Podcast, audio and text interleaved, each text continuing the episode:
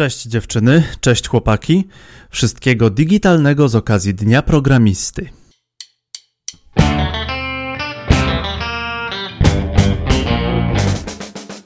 Ostatnie podcasty były nasycone tematyką nauki i pracy. Rozmawiałem już o języku branży IT, podstawach języków komputerowych i o sposobie nauczania w szkole programowania. Przyszedł czas na następny temat przebranżowienie do IT. Do rozmowy zaprosiłem mojego nauczyciela ze studiów podyplomowych na Kolegium Da Vinci w Poznaniu. Grzegorz Mazur był inżynierem budownictwa, czyli zaczynał dosyć daleko od programowania. W ciągu kilku lat przeszedł do IT i nie była to łatwa zmiana.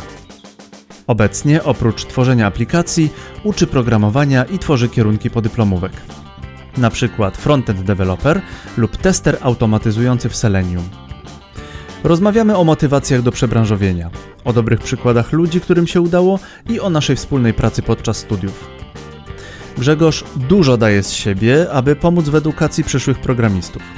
Założył stronę podyplomowe.it i grupę na fejsie dla osób zainteresowanych dokształcaniem. Linki są w opisie. Zapraszam do wysłuchania rozmowy z Grzegorzem Mazurem, inicjatorem studiów podyplomowych z branży IT na Kolegium Da Vinci w Poznaniu. Miłego słuchania. Dajcie znać, co sądzicie w social mediach, komentujcie i podajcie podcast dalej. Cześć dziewczyny, cześć chłopaki, tutaj Jędrzej, a to jest podcast Developer Wannabe. Jak wiecie, mieszkam w Poznaniu. Tu skończyłem uniwersytet, tu się douczałem i tutaj skończyłem Kolegium Da Vinci. Jestem na Kolegium Da Vinci razem z Grześkiem Mazurem. Cześć Grześku. Cześć Andrzeju. Nagrywamy ten podcast na Kolegium Da Vinci. To jest ulica Kutrzeby, tak? Tutaj jest ta tak, ulica? Tak, niedaleko parku Nieda- Cytadela. Niedaleko parku Cytadela, gdzie Grzesiek zjadł przepyszną zapiekankę w jednej z knajp i teraz taki rozanielony. Będziemy rozmawiać o przebranżowieniu dlatego, że nie ma innej możliwości na przebranżowienie jako, jak nauka. Tak. No, chyba, że od dziecka zajmowałeś się, nie wiem, żonglerką i no, umiesz programować, ale umiesz też żonglować, no ale to mało jest takich ludzi. Teraz mocno się promuje naukę przez całe życie. Lifelong learning. To, że będziemy mogli zmieniać pracę, czy będziemy musieli zmieniać pracę w ciągu naszego życia kilkukrotnie. W mhm. Stanach Zjednoczonych mówi się, że jest to 7 razy w ciągu całego życia. Można będzie zmienić branżę lub pracę. W związku z czym e, edukacja czy szkolenie się jest bardzo ważne z tego punktu widzenia. Natomiast na sam temat przebranżowienia ja patrzę trochę inaczej. Wiele osób chce się czegoś nauczyć, mhm. grać na pianinie, grać na gitarze, języka obcego, na przykład hiszpańskiego, czy, czy włoskiego, czy teraz ostatnio modnego mandaryńskiego, mm, przez tą ostatnią dominację Chin na rynku gospodarczym.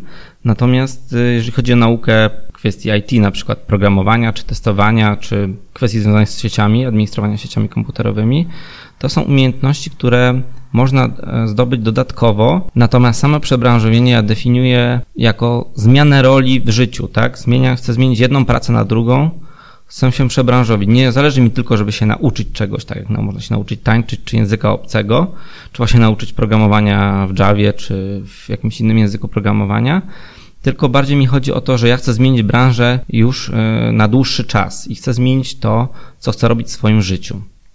E, jest to no, zupełnie inny aspekt tego. Wiele dzisiaj mamy mm, pokus takich, czy można powiedzieć, można reklam, naucz się tego, takich umiejętności e, z różnych miejsc, czy to są kursy online, czy to są studia, czy studia podyplomowe, czy szkoły programowania, czy inne źródła, czy oczywiście książki takie mm, jako tradycyjne źródło.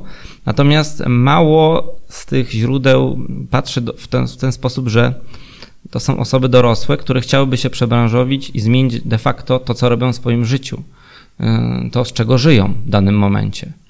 Mhm. No i ciekawi mnie Twoje spojrzenie na to, jak Ty patrzysz y, z punktu widzenia Jędrzeju, Twojego podcastu Developer Wannabe, czy osoby chcą się tutaj Ciebie nauczyć, czy chcą zostać tymi deweloperami, czy innymi twórcami w branży IT, no bo deweloper to można powiedzieć trochę szersze pojęcie niż tylko programowanie. To jest już kolejny odcinek tego podcastu i mieliśmy podcasty typowo o programowaniu. Miałem taki tak. fajny podcast e, z Kubą Cywką o reakcie.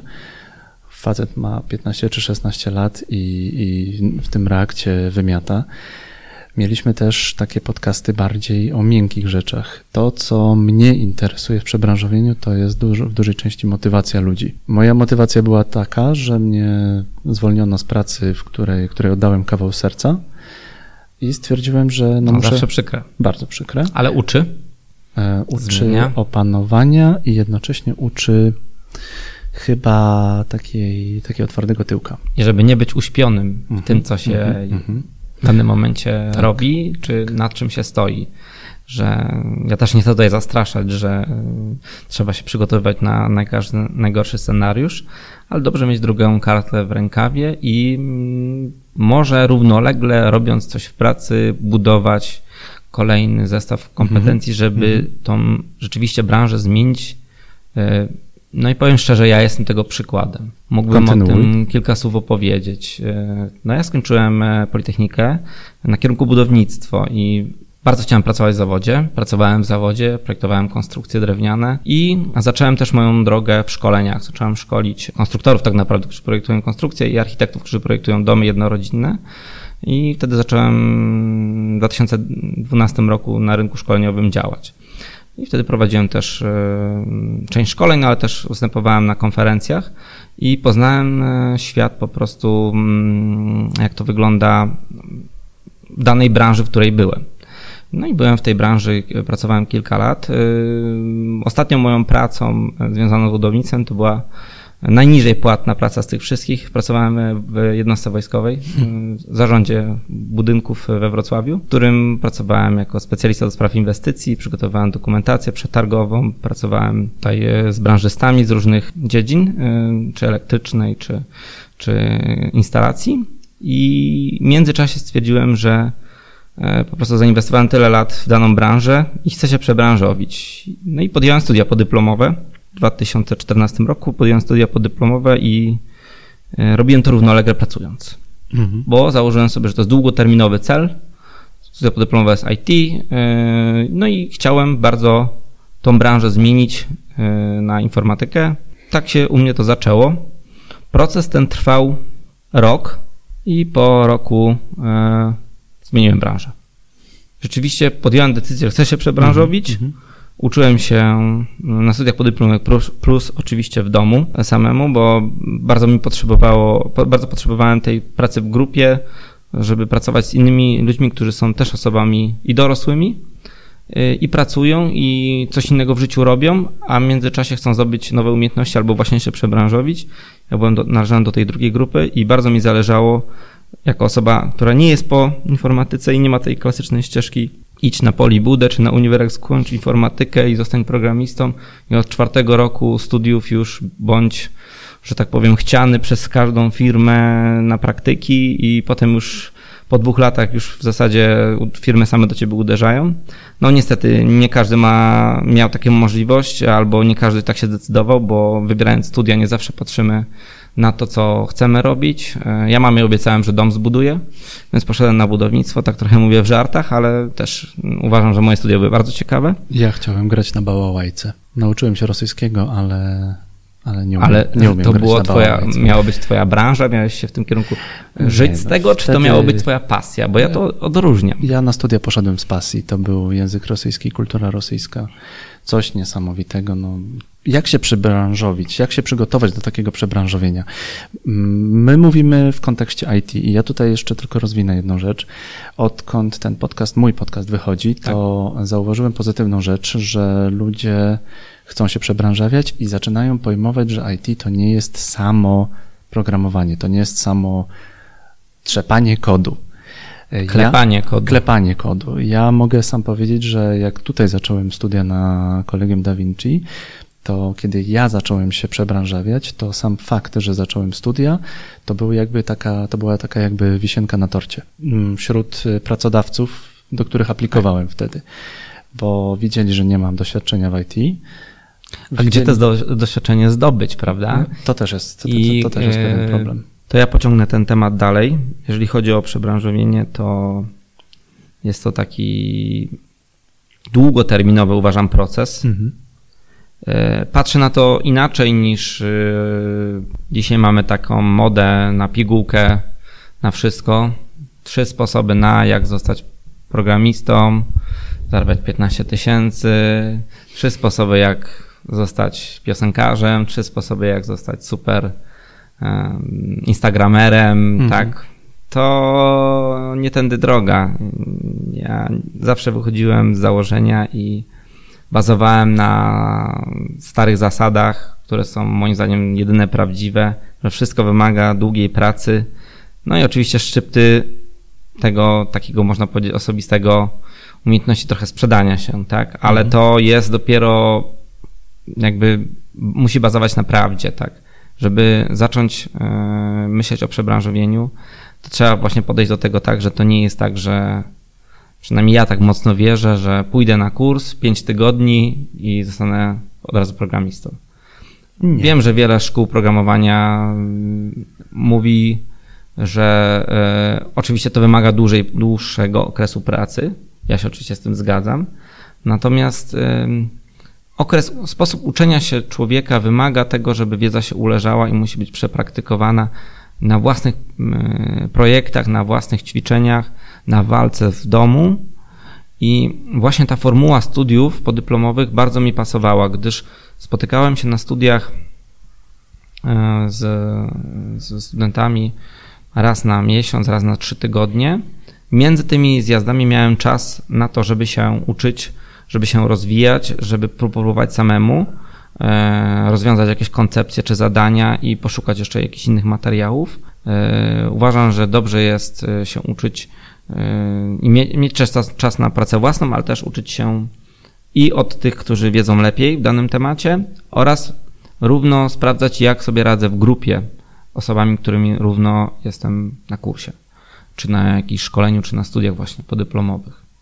Bo na studia mm, pięcioletnie to już niestety, no nie. niestety nie ma czasu, nie, żeby nie, pójść na Politechnikę czy na uniwersytet i na informatykę pięcioletnią. No chyba, że masz mnóstwo pieniędzy i mnóstwo czasu, ale mam wrażenie, że to znowu są takie. Wiesz, ale to nie jest tylko nasz świecie. problem, to wszyscy taki problem raczej mhm. mają, że po pierwszych studiach już kolejne studia przynajmniej ja uważam, powinny, powinno się traktować, czy w ogóle kształcenie siebie w sposób taki, że chcę się czegoś nauczyć praktycznie, w miarę szybko i jak najszybciej zacząć pracować, mieć pozytywny feedback, że już mogę to robić zarobkowo i jestem w stanie w najbliższej przyszłości się z tego utrzymać. Mhm. I ja na przykład jak zaczynałem e, w IT, to bardzo spadłem finansowo. 2200 dostawałem w pierwszej pracy. Także. Nie zmieniło się zbytnio obecnie. Teraz też takie oferty dla juniora, ale jeśli już junior. To prawda. Tak, to, to, to jest 2,5. I to jest rzecz, którą A nie trzeba, 10, a tak, nie 5. I to jest rzecz, którą trzeba, trzeba wiedzieć. Chcesz pociągnąć ten temat. Tak, e, bo nie wiem, czy dużo osób sobie zdaje, zdaje sprawę o tym, że to, że to jest bardzo, zaczyna się od, od bardzo, od bardzo zera. Ja sam tego doświadczyłem kiedy aplikowałem na, tu, tu czytam na, na frontend developera, to w którymś momencie doszedłem do wniosku, że bardzo by było mi trudno, musiałbym mieć bardzo to dużo oszczędności. Aplikowałeś na frontend, czy na juniora, czy na, na stażystę? Oczywiście to... na juniora. Stażysta Dziękuję, dziękuję się starzyście za jego wielki wkład w firmę. To ja od razu powiem, ja nigdy nie byłem na stażu. Aha. Całe swoje życie, nawet jak pracowałem w budownictwie, wolałem nosić cegłówki jako pomocnik budowlany i mieć podbitą praktykę, niż być stażystą, inżynierem, któremu się płaci kawą. No właśnie. Bo chciałem po prostu zawsze zarabiać pieniądze za to, co robię. I nie chodziło mi o nie wiadomo jakie pieniądze, tylko symboliczne. Mm, bo nas interesuje IT, to jest tak. podcast dla IT. Ale zakładamy, że słuchają nas osoby, które chcą się przebranżowić, które stwierdziły: OK, ja przeżyję ten rok, powiedzmy za 2200, mam jakieś tam oszczędności, e, mam pozwolenie od rodziny. Od rodziny. To też jest ważne. E, mam twardy tyłek i dam sobie radę. No to co? Studia podyplomowe, kurs kodowania, bootcamp. Co wybrać? No to jest właśnie zależne od danej sytuacji życiowej. Co mogę w jaki sposób zrobić? E, to przebranżowienie, traktować uważam, można zacząć traktować to trochę jako walkę wewnętrzną. Bo z jednej strony muszę pokonać umiejętność, jakieś w sobie bariery, które, czy ja mogę się czegoś nowego nauczyć w miarę sprawnie, ale też im dłużej się tego uczę i nie żyję z tego, czy nie otrzymuję jakichś pierwszych zleceń, czy ofert pracy, czy na rozmowach e, mi dziękują, to generuje stres. Mhm. Stres jest dzisiaj no, bardzo niezdrowy, tak jak i jedzenie na przykład jest niezdrowe i dużo choruje na cukrzycę. Tak samo e, ten stres dotyczący przebranżowienia trzeba rozłożyć w czasie i trzeba podjąć tę decyzję, że no, chcę się tego nauczyć i popołudniami i w weekendy e, będę poświęcał jakiś czas, kilka godzin, że chcą się czegoś nauczyć. I to nie jest konieczne, że to trzeba zostać programistą, można zostać testerem, można zostać UX designerem, można zacząć od e, pracy na saporcie.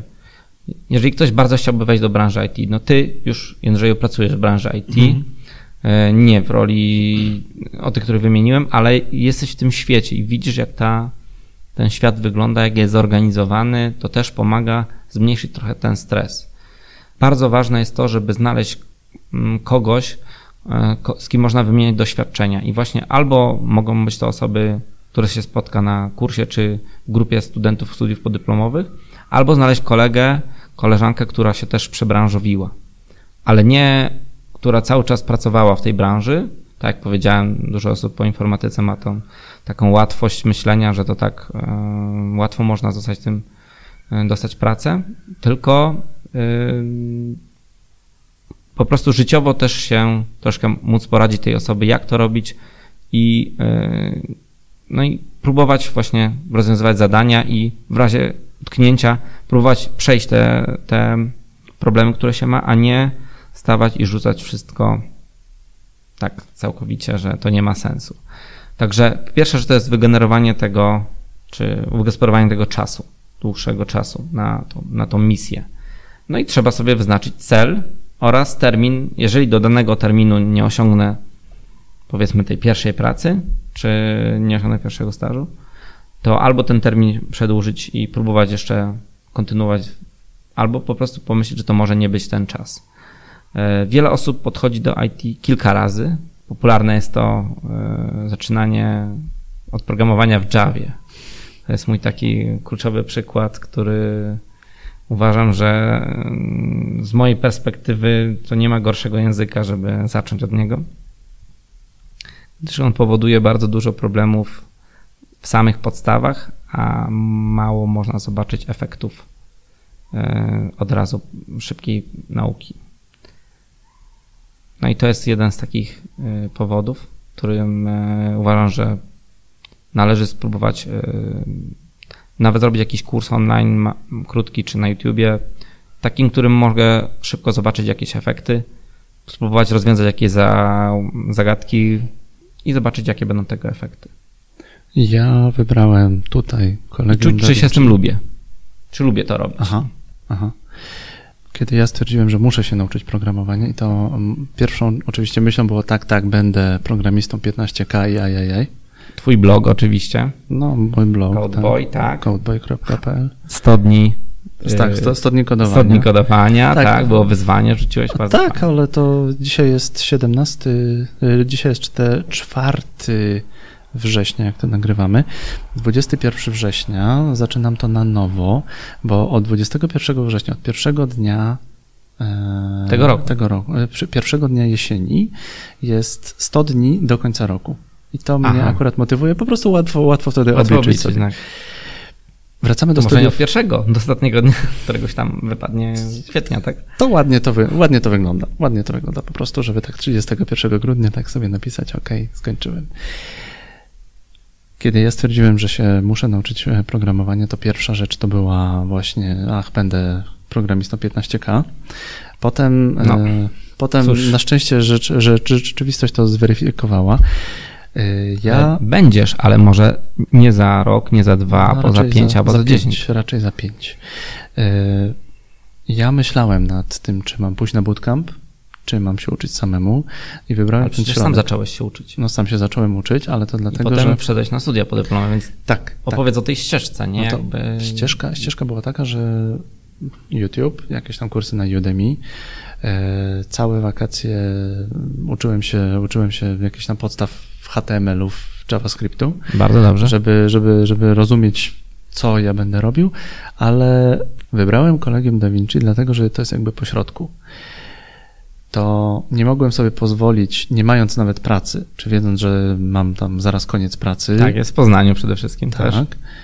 Nie mogłem sobie pozwolić na to, żeby mm, wydać kilkanaście tysięcy na bootcamp i potem nie wiadomo, co I trzy miesiące nie pracować. I trzy E, miesiące nie pracować, tutaj- czy, czy więcej. Chciałbym powiedzieć jedno zdanie. Wiele osób myśli, wydam na bootcamp X. Jak najbardziej. Ale po, dodaj do tego jeszcze trzy miesiące czy dwa miesiące niezarabiania. Tak, tak. Czyli ten koszt jest, można powiedzieć, Dwa- półtorej razy dwa albo dwa trzy razy większy. No. Oczywiście są też kursy weekendowe, nie? Mhm. No to uważam, że to już jest lepszy pomysł. E, Natomiast e, takie postawienie, no chyba, że ktoś już tak naprawdę nienawidzi swojej pracy i ma poduszkę finansową, jak to się zaleca na dwa lata do przodu, Mhm. niektórzy nawet mówią, że rok, ale niektórzy na dwa, no to wtedy Pozdro Michał Szafrański. Ja nie miałem poduszki finansowej, więc tak, e, ale miałem pewne pieniądze, więc mogę powiedzieć, że no w, tym, w tym wypadku Collegium Da Vinci, ten frontend developer, wydawał mi się opcją bardzo optymalną. Ani to nie jest takie, które, ta, to nie jest taka, taka możliwość, która mnie wyłączy na trzy, na kwartał, na, na, na pół roku. No to wtedy trzeba zacierać i dzień w dzień i tylko się na tym skupić. No. Nie ma już chwili słabości, że po tygodniu idę sobie No nie, nie, na nie. imprezę i potem... Ja tak jestem zajęty. Ta, Czy coś tam. jestem taki zajęty, bo nagrywam podcast, nie mam, nie mam tych imprez. Ten frontend developer to był dla mnie dosyć optymalny wybór, bo e, raz na dwa tygodnie, raz na miesiąc się spotykaliśmy. Potem była możliwość nauczenia się tego dalej, powtórzenia tego wszystkiego. No tak, co trzy tygodnie e, są zjazdy. No, Tak. To może ja powiem kilka słów, nie? Bo to kierunek... warto, bo z tego co rozumiem, otwieracie na Collegium Da Vinci jeszcze jeden kierunek. Jest frontend developer i Tester automatyzujący w Selenium. W sumie tego, nie, tego tematu troszkę nie poruszyliśmy, y, że ja tą moją drogę y, do przebranżowienia i pracę w IT przekułem na to, że zacząłem prowadzić takie zajęcia i Mhm. szkolenia. Najpierw zaczynałem od szkoleń, a później y, zacząłem prowadzić zajęcia na studiach podyplomowych y, dotyczące właśnie programowania, testowania w różnych miastach.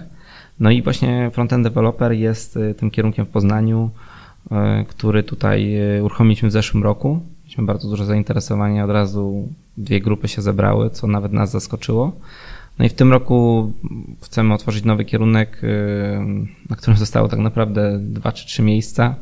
Tester automatyzujący w Selenium. Mm, Jest to kierunek, którego y, z tego co wiem, żadna uczelnia nie organizuje, jest bardziej skupiony na automatyzacji testów, no bo jest dużo studiów dotyczących testowania, ale ten jest skupiony głównie na automatyzacji testów. Wiele osób z testerów manualnych chcieliby zmienić swoją pracę w kierunku testów automatycznych i uważamy to, że to będzie ciekawy, ciekawa propozycja. Natomiast frontend developer oczywiście jest kontynuowany i Dambur trwa i tam jest, jest jeszcze trochę miejsc, no, kilk, no chyba około 10 czy 15 miejsc jeszcze zostało, bo już pierwsza grupa została zamknięta. Widzimy w, w Collegium Da Vinci takie no, ciekawe miejsce w Poznaniu, którym można by było taką, taką drogę przebranżowienia rozpocząć właśnie na tym właśnie CDV, czy Collegium Da Vinci. Chciałem kilka słów jeszcze powiedzieć o słowie programista. W Polsce bardzo często szukamy programistów, a mimo to wiele osób ustawia sobie na profilach, że są software deweloperami, czy są deweloperami. Mhm. Ja opowiem kilka słów o tym, e, że to nie wygląda tak na całym świecie. Mhm. W tamtym roku e, Apple zorganizował akademię dla przyszłych programistów iOS-a. I mm, można było się do takiej akademii zapisać. E, W Neapolu był egzamin wstępny, wcześniej były jeszcze etapy przed egzaminem wstępnymi online i wypełnianie różnych dokumentów. E, Są trzy osoby z Polski, które dostały się do Neapolu, w tym ja. O, i to było Apple Developer Academy. I pisząc egzamin wstępny, ja nie miałem pytań dotyczących tylko programowania. Miałem pytania dotyczące UX-a, miałem pytania dotyczące sieci, komunikacji, jak działa między interfejsem a między serwerem. Słowo developer, y, nawet o fonty jakieś tam, czym się różnią fonty szeryfowo, bez szeryfowo. Nie pamiętam, jakieś tam były pytania właśnie. I to mi otworzyło oczy, że deweloper to jest ktoś, to jest programista plus plus, to jest ktoś znacznie więcej.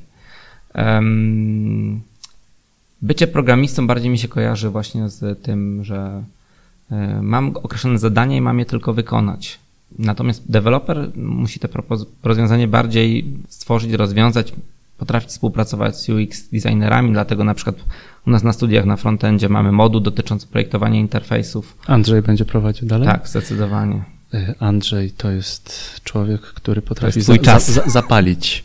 Andrzeju, ja cię bardzo pozdrawiam, bo potrafisz rozpalić wyobraźnię, potrafisz jakoś tak zrobić, że ja myślałem, że totalnie nie mam poczucia jakiegoś piękna, jakiejś estetyki, a Andrzej po prostu zrobił pstryk i, i ja to wszystko widziałem, on mi wszystko pięknie od, To, co pomaga ci potem myśleć jako frontendowiec, no, jak no, chcesz ułożyć tak. elementy i które są wykonalne, które tak, nie. Tak. Druga rzecz to współpraca w grupie, czyli mm. praca i na zadaniach, w jakimś task managerze typu Jira, ale też praca oczywiście z systemem kontroli wersji Git, żeby umieć e, synchronizować swoją pracę z innymi. To ty będziesz prowadził Gita? Ja lubię ten moduł prowadzić. E, to jest e, jeden z moich ulubionych. Po, bo po, ja mogę po twoich zajęciach z Gita poczułem moc Gita którymś e, momencie. Poczułeś moc wtedy, kiedy razem zaczęliśmy pracować i rozwiązywać, e, no. kontrybuować do jednego projektu. Też, też poczułem. A nie, że to była praca tylko na twoim komputerze lokalna i w twoim tak. świecie i z tak. niego nie wychodzisz i jest ci tak wygodnie i jest dobrze. Tak. To... Ale też są problemy, nie? które trzeba na przykład rozwiązanie konfliktu. Mhm. To jest, to, trzeba... to jest już e, mnie, mnie Ale nie konfliktu w życiu, tylko git, gicie. Tak. na przykład. To Warto na to brać Mówiliśmy o Wixie, mówiliśmy o Gicie. Co jeszcze, co jeszcze będzie na frontendzie? E, Takie Frontend developer e, na, na CDV wyróżnia się tym, e, w tym kierunku, że mamy najwięcej godzin nauki Angulara ze wszystkich studiów podyplomowych w Polsce. No, jest to 3,5 zjazdu mhm. dotyczące tylko pracy z Angular. Od samych podstaw przez naukę TypeScripta, i wykonanie całego projektu, którym wykonujemy cały weekend. Mhm. Tak, no to tutaj są różne propozycje projektów, to można wybrać. Yy, I to jest taki moduł, którego wszyscy, może nie wszyscy, ale dużo osób na niego czeka. Yy, zapisują się na studia, ale są też osoby, które przychodzą od samego zera, bo trzeba pamiętać, że yy, mamy na studiach dwie grupy. Jedna jest bardziej podstawowa, gdzie zaczynamy od podstaw e, całkowicie, a w drugiej e, co prawda jest ten sam program, no ale już rozwiązujemy bardziej trudniejsze zadania i idziemy szybciej, szybciej z tematami i robimy bardziej złożone, rozwiązujemy bardziej złożone taski. No tak, w mojej grupie było, ja byłem w grupie mniej zaawansowanej, niezaawansowanej, w której miało być więcej tłumaczenia, a w grupie sąsiedniej, grupa zaawansowana, to jest bardzo ciekawe, że mimo całego hejtu, który się czasami wylewa z backendowców na frontend, to ten, to ten, to ten backendowiec taki, to jednak przyszedł. Jeden, drugi są programiści, by, byli programiści. Tak, to jest e, ciekawe, że przychodzą prawda? E, na studia z frontu e, osoby, które chcą douczyć się frontu. A na, na zasadzie są programistami chciał, backendu. Tak, bo chcieliby być tymi full stackami, nie? Mhm. I chcieliby douczyć się. Są osoby, które chcą się nauczyć zupełnie od zera. E, są osoby, które e, pracują w IT, na przykład właśnie są, na przykład są testerami, chcą zostać deweloperami, czy w drugą stronę. Ja bym to postrzegał, wiesz co, w bardzo pozytywnych barwach, że się człowiek chce rozwijać. To, że skończyłem frontend, frontend developer tu na kolegium Da Vinci, tak. pomaga mi, kiedy ja rozmawiam z klientem i omawiamy jakiś wielki projekt, który klient ma w głowie, to mi pomaga go zrozumieć, mało tego operować na tym samym poziomie, co, co, co klient. Bo on już zaczyna, klient zaczyna, bardzo często klient y, jest obcykany, bardzo często klient jest programistą. Tak. tak? I klient zaczyna. Potrafisz z nim lepiej się komunikować. Potrafię z nim rozmawiać. Tym samym, tym samym językiem rozmawiamy. Miałem kiedyś studenta, który był CTO w jednej mhm. firmie. Ja go pytam, po co ty przyszedłeś na, na podyplomówkę e, z frontu? Mówi, bo chcę się nauczyć najnowszej wiedzy. I tak w sumie raz na dwa lata by mi się przydała podyplomówka z najnowszych technologii, żeby być na czasie, żeby wiedzieć, czy moi programiści mi mówią prawdę. Coś w tym jest. Ja bym chciał wrócić do Angulara. Tak. Dlaczego Angular, a nie React? Dlaczego na CDV uczy się Angulara? Patrząc na rynek y, pracy, y, jeszcze kilka lat temu w zasadzie w frontendzie głównie szukali deweloperów, programistów y, właśnie z Angularem. W Polsce jest ten framework znacznie bardziej popularny, szczególnie w dużych firmach, korporacjach. Natomiast im bardziej na zachód jest troszkę więcej Reacta, ale no jednak Polska jeszcze Angularem mocno stoi. Mhm. No i Angular jest od Google'a. On nigdy nie zginie. Facebook swojego Reacta nadal będzie na pewno też rozwijał. Natomiast y, uważam, że lepiej jest skupić się na jednym frameworku, mhm.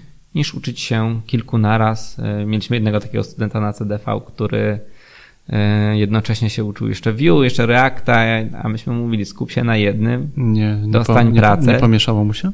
No, jak myślisz?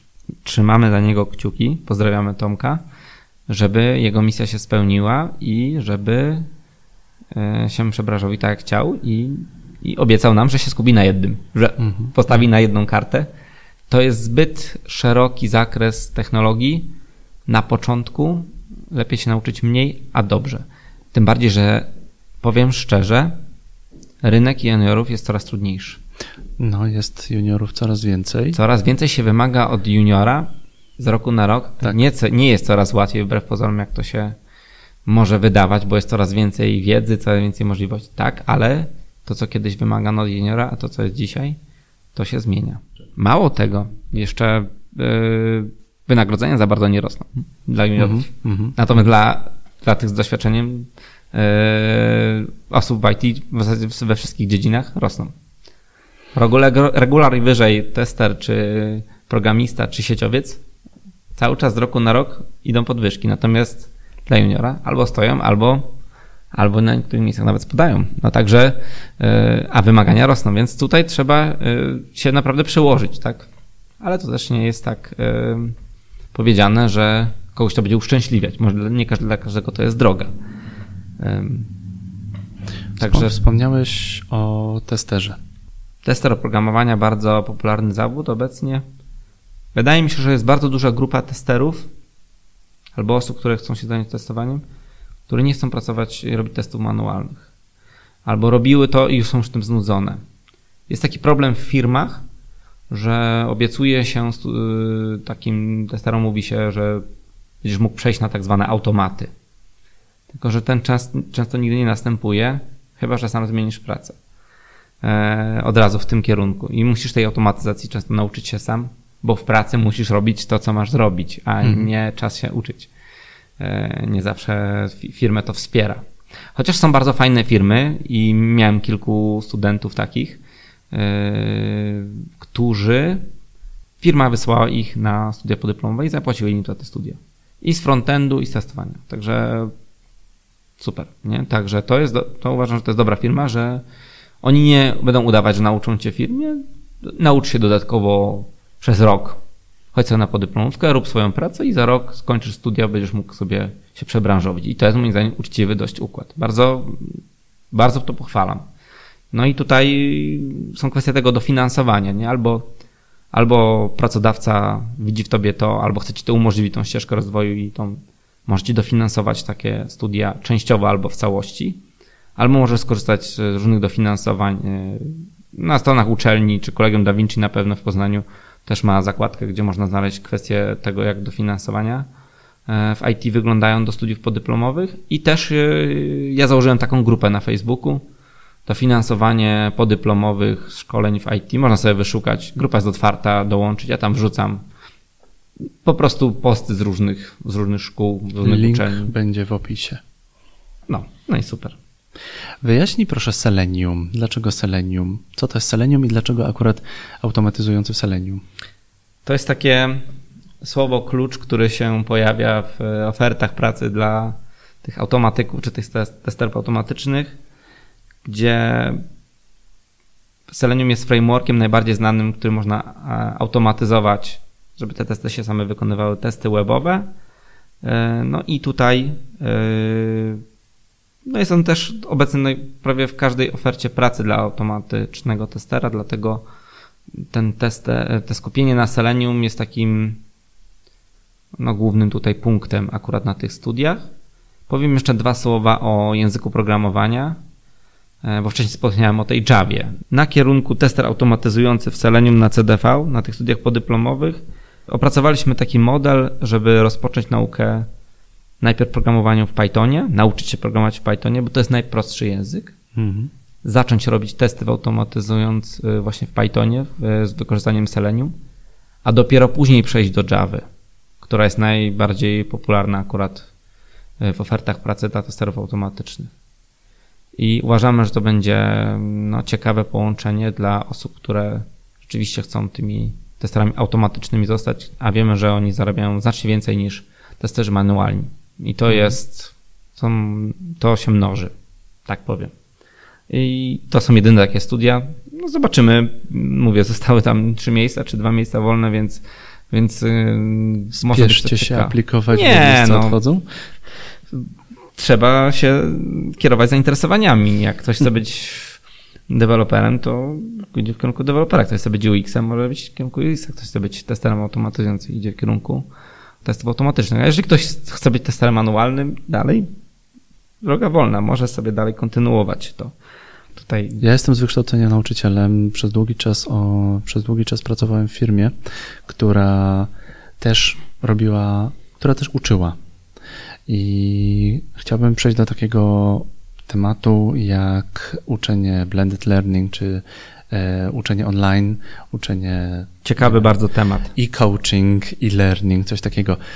Czy to jest przyszłość, czy to zatrudni, za, za, za, zastąpi podyplomówki, szkoły? Ja mam swoją opinię, ale tak. mnie interesuje Twoja.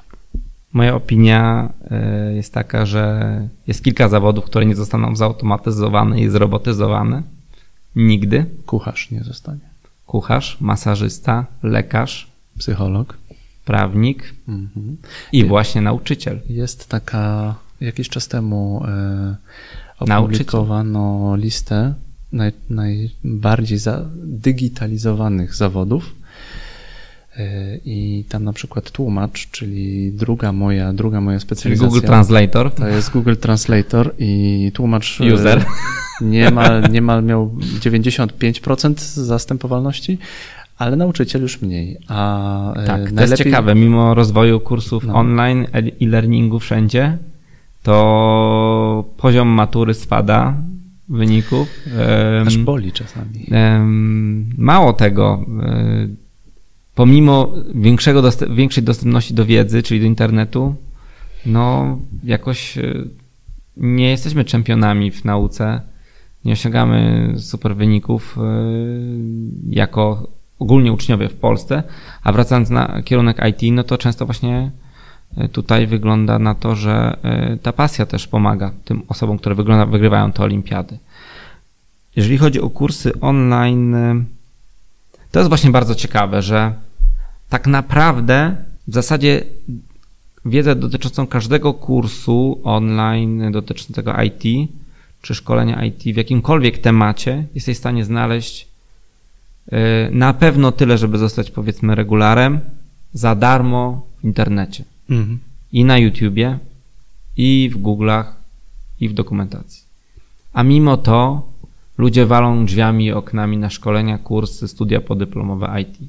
Dlaczego?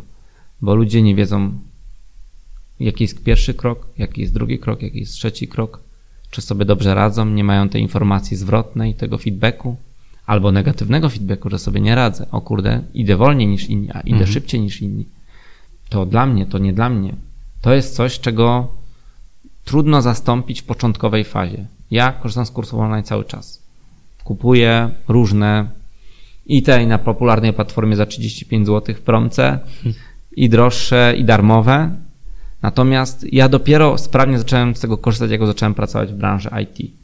Jak już y, wiedziałem, czego mam szukać, wiedziałem, jak mogę komuś pomóc. I też chciałem właśnie chwilę powiedzieć, y, dlaczego ja lubię uczyć. Dlaczego to jest to, czymś się zająłem. To jest moja pasja.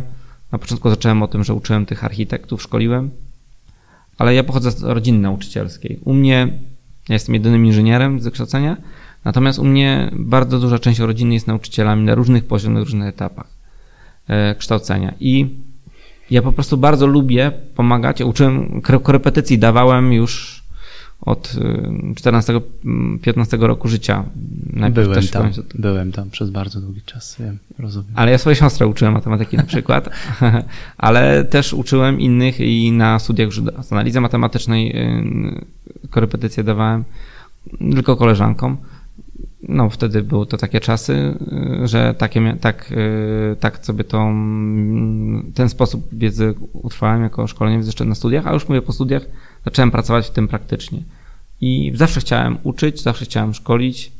Chciałem uczyć tego, czego naprawdę potrzeba, co jest praktyczne i co można wykorzystać w swoim życiu zawodowym, tak aby osiągnąć cel pod tytułem przebranżowienie się do IT. Co taką można powiedzieć jest trochę misją tego mojego kierunku, czy naszego kierunku, który tworzymy na CDV, jednego i drugiego, żeby rzeczywiście coraz większa grupa osób e, z roku na rok mogła się przebranżawiać i potem dostawać takie miłe maile, że pracuję tu, pracuję tam, udało mi się, e, że warto było. To jest naprawdę satysfakcja, która daje ci feedbacku inny człowiek bardzo, bardzo wysoka. I tak, ja to tak. byłbym w stanie robić. E, ja tego nigdy nie robiłem dla zysku, bo ja mam z czego żyć i od lat pracuję cały czas i u mnie co ciekawe, w zespole prowadzących wszyscy, którzy prowadzimy, prowadzimy to z pasji. Nikt z nas nie jest po informatyce. To jest ciekawostka. Wszyscy się przebranżowiliśmy, więc znamy tą drogę od punktu, od tego chcemy podjąć pracę w IT do pracy w IT z osób prowadzących te, te, te studia podyplomowe na CDV. Y, no i po prostu czerpiemy z tego satysfakcję, że możemy po prostu komuś pomóc, zdobyć dzięki temu też Y, no, rozwijać swoje miękkie kompetencje, które y, no, trochę się zaprzepaszczałem, jak się pracuje cały czas tylko z systemem. Mhm. I to jest. A rozmawia, potem rozmawiać trzeba i warto rozmawiać. Komunikacja jest w ogóle taką rzeczą dość trudną w IT. Zauważyłem na wielu poziomach między różnymi branżami. Mhm. Często mhm. powstają nieporozumienia. Tak, to to może tyle, jeżeli o ten temat chodzi. A macie też witrynę fajną. Tak, będziemy e, rozwijać naszą witrynę podyplomowe.it. Wydaje się chyba wtrafiona. Wło, włoska taka, czuję. Włoska, tak, tak, tak. Podyplomowe IT. Na tej stronie na pewno w przyszłości będą pojawiały się nowe rzeczy. Będzie można się i zapisać na listę mailową i zobaczyć, co robimy. Także zapraszamy na tę stronę. No i kończąc jeszcze ten wątek tych kursów online, tak jak powiedziałem, no mimo tego wielkiego rozwoju ludzie i tak przychodzą na, na stacjonarne zajęcia, bo chcą, żeby ktoś do nich podszedł i powiedział, że w siódmej linijce zabrakło średnika albo w piętnastej linijce zamknąłeś klamry. I to jest coś po prostu też niesamowitego. Mogę takiego hinta, taką mogę wskazówkę ci dać, na podstawie mojego wieloletniego doświadczenia jako trenera, bo już na studiach podyplomowych 200 osób przeszkoliłem, to jest inny sposób uczenia kobiet i mężczyzn. O, poruszyłem drażliwy temat. Tak, że tutaj teraz walka płci. Musisz, musisz rozwinąć, bo to, tak. to jest już ciekawe. To, tak, to takie poruszę tutaj. Moja wieloletnia obserwacja jest taka, że jeżeli dajemy jakieś zadanie, napisanie jakiegoś skryptu czy części aplikacji w programie, który chcemy uruchomić, czy teście, no to jeżeli jest trudność i,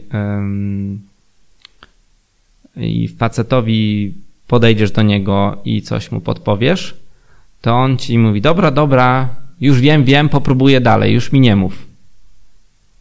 A jak rozwiążesz za niego i przyjdziesz i napiszesz, to on jest mega zawiedziony. Często sobie gorzej radzi niż kobieta, ale, ale tak jest. Kobiety mają, wiadomo, lepszą pamięć. Natomiast podczas zajęć, gdy podejdziesz do dziewczyny czy kobiety i powiesz jej, zrób tu, tu, tu, w taki sposób, tak troszkę z grubsza, ale niedokładnie, żeby sama sobie popróbowała i, i zostawisz ją tak, to ona się poczuje bardzo często, że nie jesteś specem, że nie wiesz tak do końca, jak to działa, że nie potrafisz doprowadzić sytuacji od początku do końca. E, mam taką obserwację już od wielu lat i mało tego jest potem zawiedziona, że e, nie rozwiązałeś za, niej, za nią, nie opowiedziałeś dokładnie ścieżki, jaką ma przejść, bo kobiety mają znacznie lepszą pamięć, bardziej się uczą w inny sposób. E, lepiej zapamiętują, dlatego na zajęciach często są lepsze. Tak, była. A faceci była, biją się, próbują, walczą. Często mi nie wychodzi, ale mówi, nie podpowiadaj, zabierzesz mi fan, nie? To są zadaniowcy, a to są te osoby, ten, ale obo, obie płcie sobie dobrze radzą. Zresztą y, bardzo dużo, można powiedzieć, mężów programistów wysyła swoje żony, żeby zostały tekstarkami. Wiesz dlaczego? Żeby, żeby mogli sobie pogadać? Nie, zdecydowanie nie. Żeby się czepiały błędów aplikacji, a nie jego. No patrz, jaki czysty pragmatyzm informatyka, programisty. Można? Można. No właśnie, to jest jeden z ciekawszych y, życiowych takich doświadczeń, które powiedziałem. Jedno to sposobie nauczania, w zależności od płci. Y, oczywiście e, nie wszyscy tacy są, ale to, taką widzę taką tendencję. I druga to, że dużo e, właśnie kobiet idzie na studia związane z testowaniem, żeby się poczepiać trochę w pracy, żeby w domu może być mniej zaczepna. To ja bym chciał się spytać o błędy, o potknięcia, o te rzeczy, które tak. ci się nie udały. Tak, bo to jest y, temat, który ja podjąłem, czyli właśnie pomóc osobom, aby mogły się przebranżowić do IT. Y, nie ma na to książki, nie ma na to sposobu jednego, jak to robić właściwie. Więc uczyłem się w praktyce i na szkoleniach, i potem ucząc na studiach podyplomowych, między innymi właśnie na CDV. I oczywiście z roku na rok coraz lepiej daje się to robić, ale nie da się uniknąć błędów. No jedną rzecz traktowałem wszystkich tak samo. Niezależnie od wieku, zupełnie tak nie jest. Inaczej osoby, które mają dwadzieścia kilka lat, które przychodzą na podyplomkę zaraz po swoich jakichś innych studiach, które jeszcze nie mają pracy, doświadczenia pracy, takiego mm. wiele, w jakiejś innej branży wieloletniego, co innego osoby po 30, co innego osoby takie właśnie jak, tak jak powiedziałem, ten wspomniany CTO, który przyszedł sobie tylko, że tak powiem, odświeżyć i na bieżących technologiach pokodować. Każdy jest inną osobą i ma inne spojrzenie i doświadczenie. I bardzo jest ważne moim zdaniem to, żeby bazować na doświadczeniu y, y, zawodowym danego człowieka, czyli y, jeżeli ktoś pracował powiedzmy jako anglista, mamy dużo takich studentów, E, no to trzeba odwołać się do jego świata. To jest język, tak samo jak masz język angielski, on się składa z pewnych zasad, jak to konstruować, żeby stworzyć aplikację czy skrypt. Przychodzi osoba po mechanice, na przykład, no to program to też jest dzieło inżynierskie. Składa się z pewnych mechanizmów, które działają w taki inny sposób, tak jak maszyna. Mamy osoby, które przychodzą po na przykład psychologii. Te osoby lubią przychodzić właśnie na studia z testowania, bo one mają takie spojrzenie E, jak użytecznie powinna ta aplikacja działać od strony takiej jakościowej, jak ja odczuwam jej e, działanie. No i też wiadomo są dociekliwe, czyli lubią szukać tych błędów, tych bugów, tak jak Lubią mówię. się czepiać. No, lubią momencie. się czepiać. Słówek Więc, dosłownie. E, mi, mi, bardzo zależy, gdy nawiązuję kontakt z studentami, zresztą zawsze to mówię też raz ze swoim kolegą, żeby bazowali na doświadczeniu życiowym danego człowieka. Zawsze pytam, kim ty jesteś, po co tu przyszedłeś, jakie masz doświadczenie i, i z czego, z jakiego świata ty przychodzisz, tak? Bo ty chcesz przejść z jednego świata do innego. My już nie idziemy inną drogą, jedną drogą, znaczy będziemy dalej szli jedną drogą, ale mamy inne podstawy, mamy inne korzenia. I y, to się udaje. To jest y, coś, co mogę powiedzieć, że naprawdę się udaje. Empatia. Wydaje mi się, że bardziej y, ciekawość świata, co ludzie robią w swoim życiu, i na podstawie czego biorą swoje doświadczenia i na podstawie czego mogę budować, bo mam taką obserwację, że dużo osób, które całe życie pracują w IT, skończyły studia czy w jakiś inny sposób, od zawsze byli, były programistami na przykład czy testerami, y, mają zaburzony światopogląd taki, mm, nie potrafią się odnaleźć, zrozumieć może osoby, które pracują w innej branży i że nie wiem, podam przykład ze swojej branży. Inżynier budownictwa może zarabiać trzy razy mniej niż inżynier programista, a przecież to jest inżynier, jeden i drugi. Tak? To, to aż taka przepaść powstała w ciągu ostatnich 10 czy 15 lat. Na przykład w takich Niemczech e, inżynier, który produkuje, czyli inżynier mechanik pracujący w przeprodukcji samochodów, konstruujący te najnowsze modele, zarabia znacznie więcej albo porównywalnie z programistami. Tylko, że u nas po prostu tego przemysłu nie ma. Mhm. My nie tworzymy tych samochodów. U nas jest outsourcing y, dużych firm z IT, które po prostu chcą u nas y, dobrze zrobić soft. I mhm. dlatego to tak jest, a nie dlatego, że nie, ta branża jest nagle taka wyróżniona. Jeszcze miałem o tych błędach, tak? Tak, no. o błędach. No, no błędem było też to, że no, zbytni optymizm. Mhm że ktoś jest w stanie w bardzo szybki sposób opanować dany temat. Hmm. Godzinę, to co samemu po, po, zajmowało więcej czasu. To to jest klątwa wiedzy. Trochę jest. Ale wychodzimy z tego z roku na rok coraz lepiej w taki sposób, że przygotowujemy instrukcję do ćwiczeń, mhm. które można sobie przed zajęciami wydrukować yy, i tam jest napisane punkt po punkcie, co będziemy robić. Potwierdzam. I to bardzo mi. pomaga uporządkować Szczególnie osobom, które są na przykład bardziej biegłe, chcą iść szybciej do przodu, a te, które e, chcą iść wolniej, mogą sobie po prostu tą instrukcję śledzić i warto e, na podstawie tego uczyć. To jest e, jedna z takich naszych technik, którą stosujemy. No i bardzo nam zależy na tym, żeby podejść w miarę możliwości do każdego studenta. Niektórzy się wstydzą, wiadomo, ale mimo wszystko podchodzimy i patrzymy w komputer. Tobie też zajrzałem kilka razy, czy ci wyszło. I musisz się zmierzyć chwilę z tym wstydem, jeżeli nie, to ja ci pomagam i idziesz dalej. A ty, ja już to przepracowałem, że nie umiem. To, e, Ale to nie tylko ty. To... Jak, ja, jak ja nie umiem, to ja wtedy... Najlepsi już, mają z tym problem. Już się, już się bo się szczęście... zakałapućkają gdzieś. Tak, i... tak, tak, tak, tak, tak. Na, na, szczęście już się nie boję powiedzieć, sorry, nie umiem, weź, pomóż, pomóż, bo ja w ogóle jestem gdzieś I w lesie. To praca jest... Yy, zawsze się pyta kogoś mhm. o pomoc. W IT jest ten taki, można powiedzieć, ten knowledge sharing bardzo rozwinięty. Chcemy się dzielić tą wiedzą, y, nie zamykamy się między sobą. Y, jeżeli ktoś coś rozwiązał już wcześniej, powinien pomóc drugiemu. I jest to bardzo powszechne, bo naprawdę szkoda czasu, żeby ktoś dochodził do danego rozwiązania zawsze sam. Nawet wyszukanie komuś, wysłanie linka do Stack Overflow, jak rozwiązać dany problem, już jest jakąś pomocą. Nie ma sensu E, uczenia się całkowicie i rozwiązywania każdego problemu od początku do końca. W pewnym momencie trzeba zacząć przyjąć, że część rzeczy nie umiem, ale wiem, czego nie umiem i pracuję w zespole i ktoś z zespołu może mi pomóc, a w przyszłości ja pomogę komuś. I to ta kolaboracja jest w sumie największą, taką, jedną z największych zalet tej branży IT, że czujesz, że wszyscy chcą współpracować mimo wszystko. Jeżeli dojdziesz do jakiegoś poziomu i jesteś częścią zespołu, to oni chcą z tobą współpracować. To jest bardzo fajne i my ucząc innych też chcemy być, żeby to był nasz zespół. Że my jesteśmy w jednym teamie. E, my często przychodzimy na ty ze studentami. My chcemy być, e, żeby nie, nie stoimy dla nich e, barierą, że ja tu jestem najmądrzejszy, a, a wy słuchajcie moich mądrości, tylko chcemy razem współpracować. I my tworzymy na studiach projekty, na przykład system rezerwacyjny do kina, czy, czy blog no i chcemy, żeby ten projekt też był i praktyczny, i też, żeby ta osoba też dodała trochę od siebie, co w tym projekcie by było, jaki byłby content tutaj zastosowany, czy na przykład czat. To są ciekawe tematy, też żeby były takie życiowe, a nie robić tylko to-do lista. Andrzej, Andrzej Jagielski, tak? Prowadzi UX.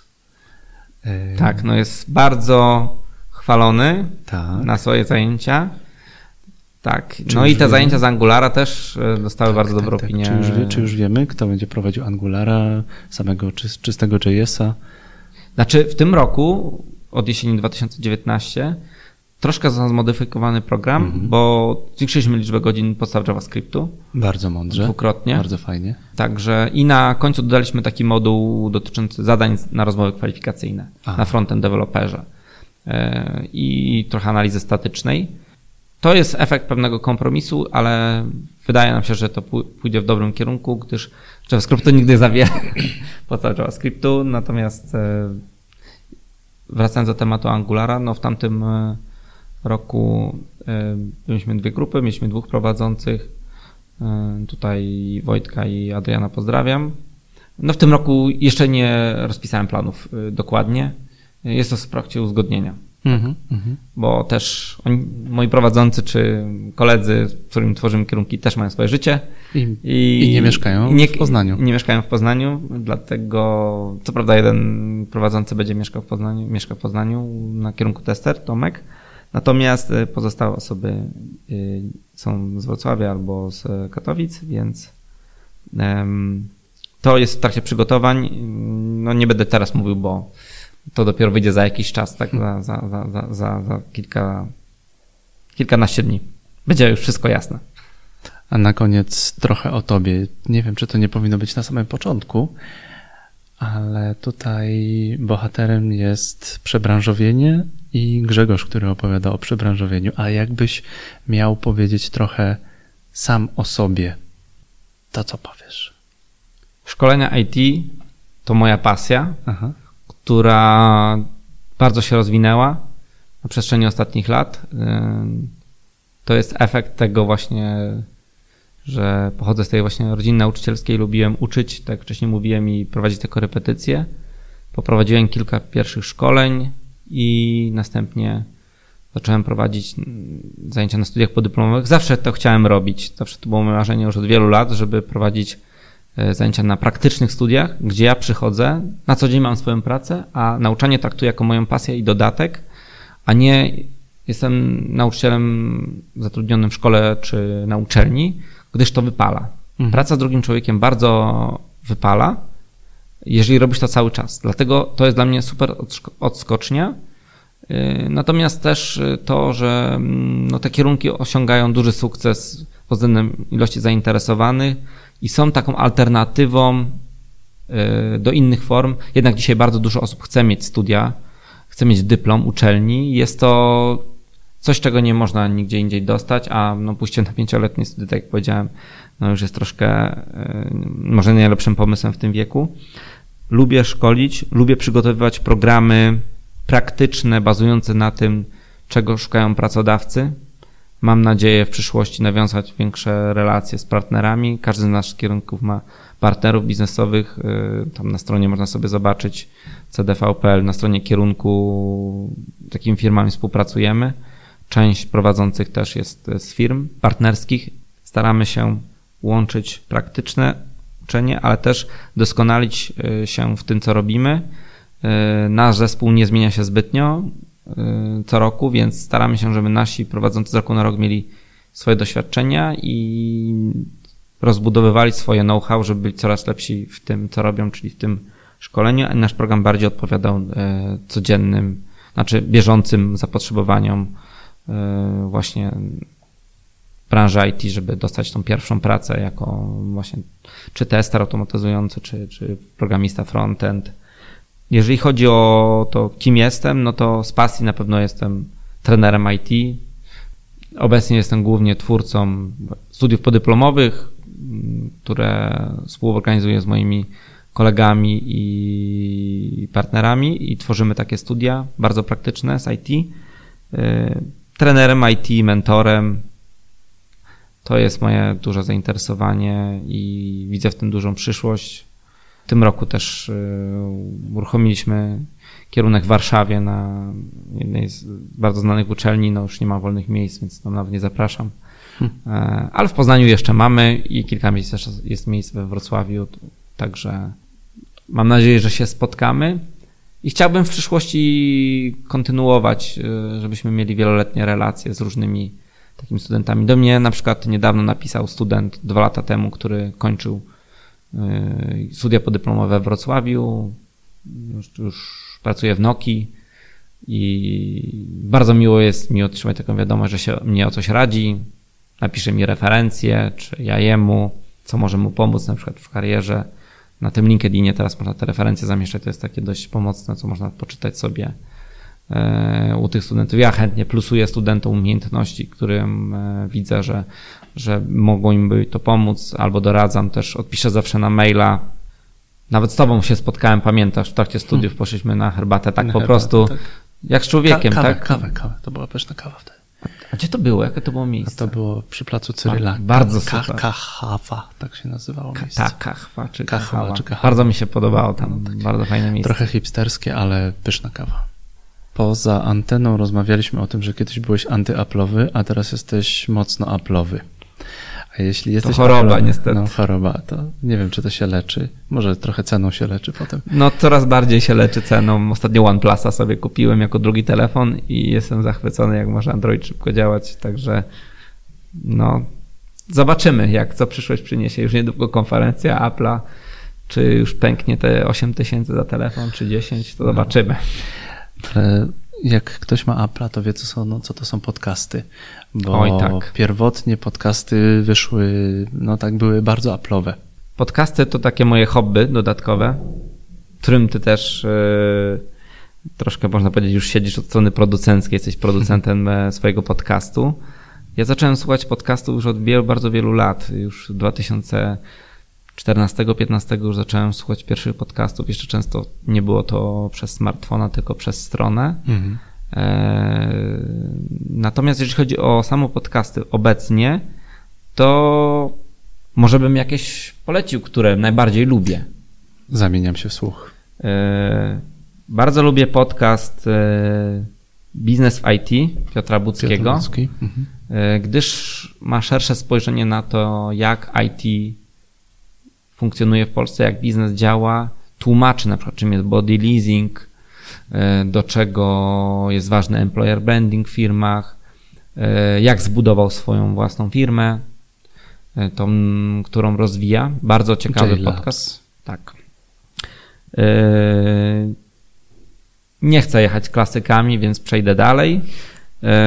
Drugim podcastem jest bardzo nowy podcast akademia.pl Mm-hmm. Mirka Burnejko, Ach, Miro tak, Burn. Tak. Bardzo lubię e, ten podcast, bo jest mega praktyczny. Wcześniej słuchałem tegoż projektanta życia, natomiast teraz bardziej słucham tej Akademii. Czekam na kolejne odcinki, nie mogę się doczekać, mam nadzieję, że niedługo będą nowe. Bardzo lubię w tym podcaście to, że są to codzienne odcinki, pięciominutowe, mhm. siedmiominutowe. To jest coś, mm. czego chyba nikt teraz w tym momencie nie robi, żeby codziennie wypuszczał podcast. To jest... Są, ale bardziej o rzeczach politycznych. Aha, takie newsy. Świat w trzy minuty, takie newsy, coś A, takiego. Tak, tak. Ale nie, to, to Mirek Burnejko, tak. I on też zata- tak. zahacza o budowę y, biznesu online, czy o nauczanie innych różnych umiejętności praktycznych dotyczących y, właśnie na przykład tworzenia kursów, czy y, marketingu, czy innych umiejętności. Teraz biohacking, taki modny temat. I trzeci podcast, który chciałbym tutaj polecić z takich y, niekonwencjonalnych, to jest y, Między nami a sieciami Damiana Michalaka. Bo dlaczego wszyscy mają być programistami, tak? To, to jest y, podcast dla sieciowców, mhm. dla osób, które chciałyby, czy pracują w sieciach komputerowych. Na styku sieci ma taki właśnie podcast ten serwis na styku sieci, prowadzony przez Damiana Michalaka. Pozdrawiam Damian. E, Link w opisie. Super, także może sieciowiec wannabe. Tak? Coś w tym stylu. Tak można trochę skomentować ten, e, ten jego podcast. E, wszystko dla osób ze świata sieci, które chciałyby w tym pracować, czym się zajmują, ma też swojego vloga. Pozdrawiam. Mhm. Zgodziłem się na, ten, na tę rozmowę w e, Kolegium Da Vinci. Nie tylko dlatego, że skończyłem tutaj podyplomówkę, ale również dlatego, mhm. że, że Kolegium Da Vinci e, wniosło swój, swój wkład, ma pewien wkład w e, budowanie podcastu, również mojego podcastu. Poznań wydaje Były się. początki, nie? Tak, Poznań wydaje się takim dosyć mocnym centrum podcastingu w Polsce. A w Kolegium Da Vinci odbił się pierwszy Pyrcaster. To jest, poznańscy podcasterzy to są pyrkasterzy, no bo pyry w Poznaniu. Tak. Auli Artis. W Auli Artis odbyło się pierwsze spotkanie, to było, to było w czerwcu. Zrobiliśmy takie małe spotkanie, myśleliśmy, że tam przyjdzie kilka, kilkanaście osób, przyszło ponad 50. Wow. Niesamowita. To było dopiero pierwsze spotkanie. To, to było pierwsze spotkanie. To nas tak nakręciło, taką to przyniosło energię, chęć działania. Ja bardzo lubię słuchać podcastów po drodze. To jest coś, tak. co Tak. rzeczywiście 20 jest innowacyjne. 28, za kilka, za, no to za, za, za kilkanaście dni tak naprawdę, 28 września w Poznaniu, z okazji Międzynarodowego Dnia Podcastów robimy Percaster MDP 2019. I to będzie wielkie boom, bo będzie impreza na ponad 150 osób Super. ze znanymi Mam nadzieję, że, że, że są jeszcze miejsca. Mm, Miejsca są, Czy ale bilety? trzeba, trzeba je kupować, bo szybko wychodzą. Na jakiej stronie? Międzynarodowy Dzień Podcastów.pl Proste do Okej. zapamiętania. Postaram się przybyć. Zapraszam, bo będzie naprawdę ciekawie. Sam tam będę prowadził na przykład warsztaty z wymowy, ale będą też y, na przykład warsztaty z prawnych aspektów podcastingu albo ze storytellingu, bo ładnie opowiedziana A z historia. takich technicznych rzeczy, jak ten podcast rzeczywiście Będzie. e, uruchomić e, Będzie. na jakiejś platformie polecanej, czy Tak, będzie taki, e, pod, będzie taki warsztat. Nagrałem podcast i co? A w ogóle jednym ze sponsorów jest Podigy, to jest taka O. platforma, taka firma oferująca analitykę i jednocześnie hosting z Berlina, prowadzona przez Mateusza Sujkę, nasz człowiek w Berlinie. bardzo ciekawe. Zapraszam Was. Mam nadzieję, że jeszcze spotkamy się, No ja przychodź na te, bo ja lubię słuchać, ale też no widzisz jaką fajną ma magię ten mikrofon? Gadanie do no, mikrofonu. wygląda bardzo Fajnie. ciekawie i myślę, że to był konstruktywny, dobrze spędzony czas. Gościem podcastu Developer Wannabe był Grzegorz Mazur, twórca projektu podyplomowe.it, inicjatywy, która realizuje studia podyplomowe w Poznaniu z frontend developer i tester automatyzujący w Selenium. Bardzo Ci dziękuję. Bardzo dziękuję. Bardzo mi było miło. Do usłyszenia. Do usłyszenia.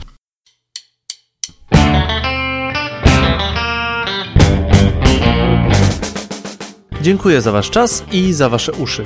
Być może w Twoim otoczeniu jest ktoś, kto może skorzystać z naszej rozmowy. Podaj mu linka do tego podcastu. Udostępnij go na fejsie, Twitterze, LinkedInie, a jeśli używasz ekosystemu Apple, będę bardzo wdzięczny za Twoje 5 gwiazdek i komentarz. Do usłyszenia w następnym podcaście. Cześć!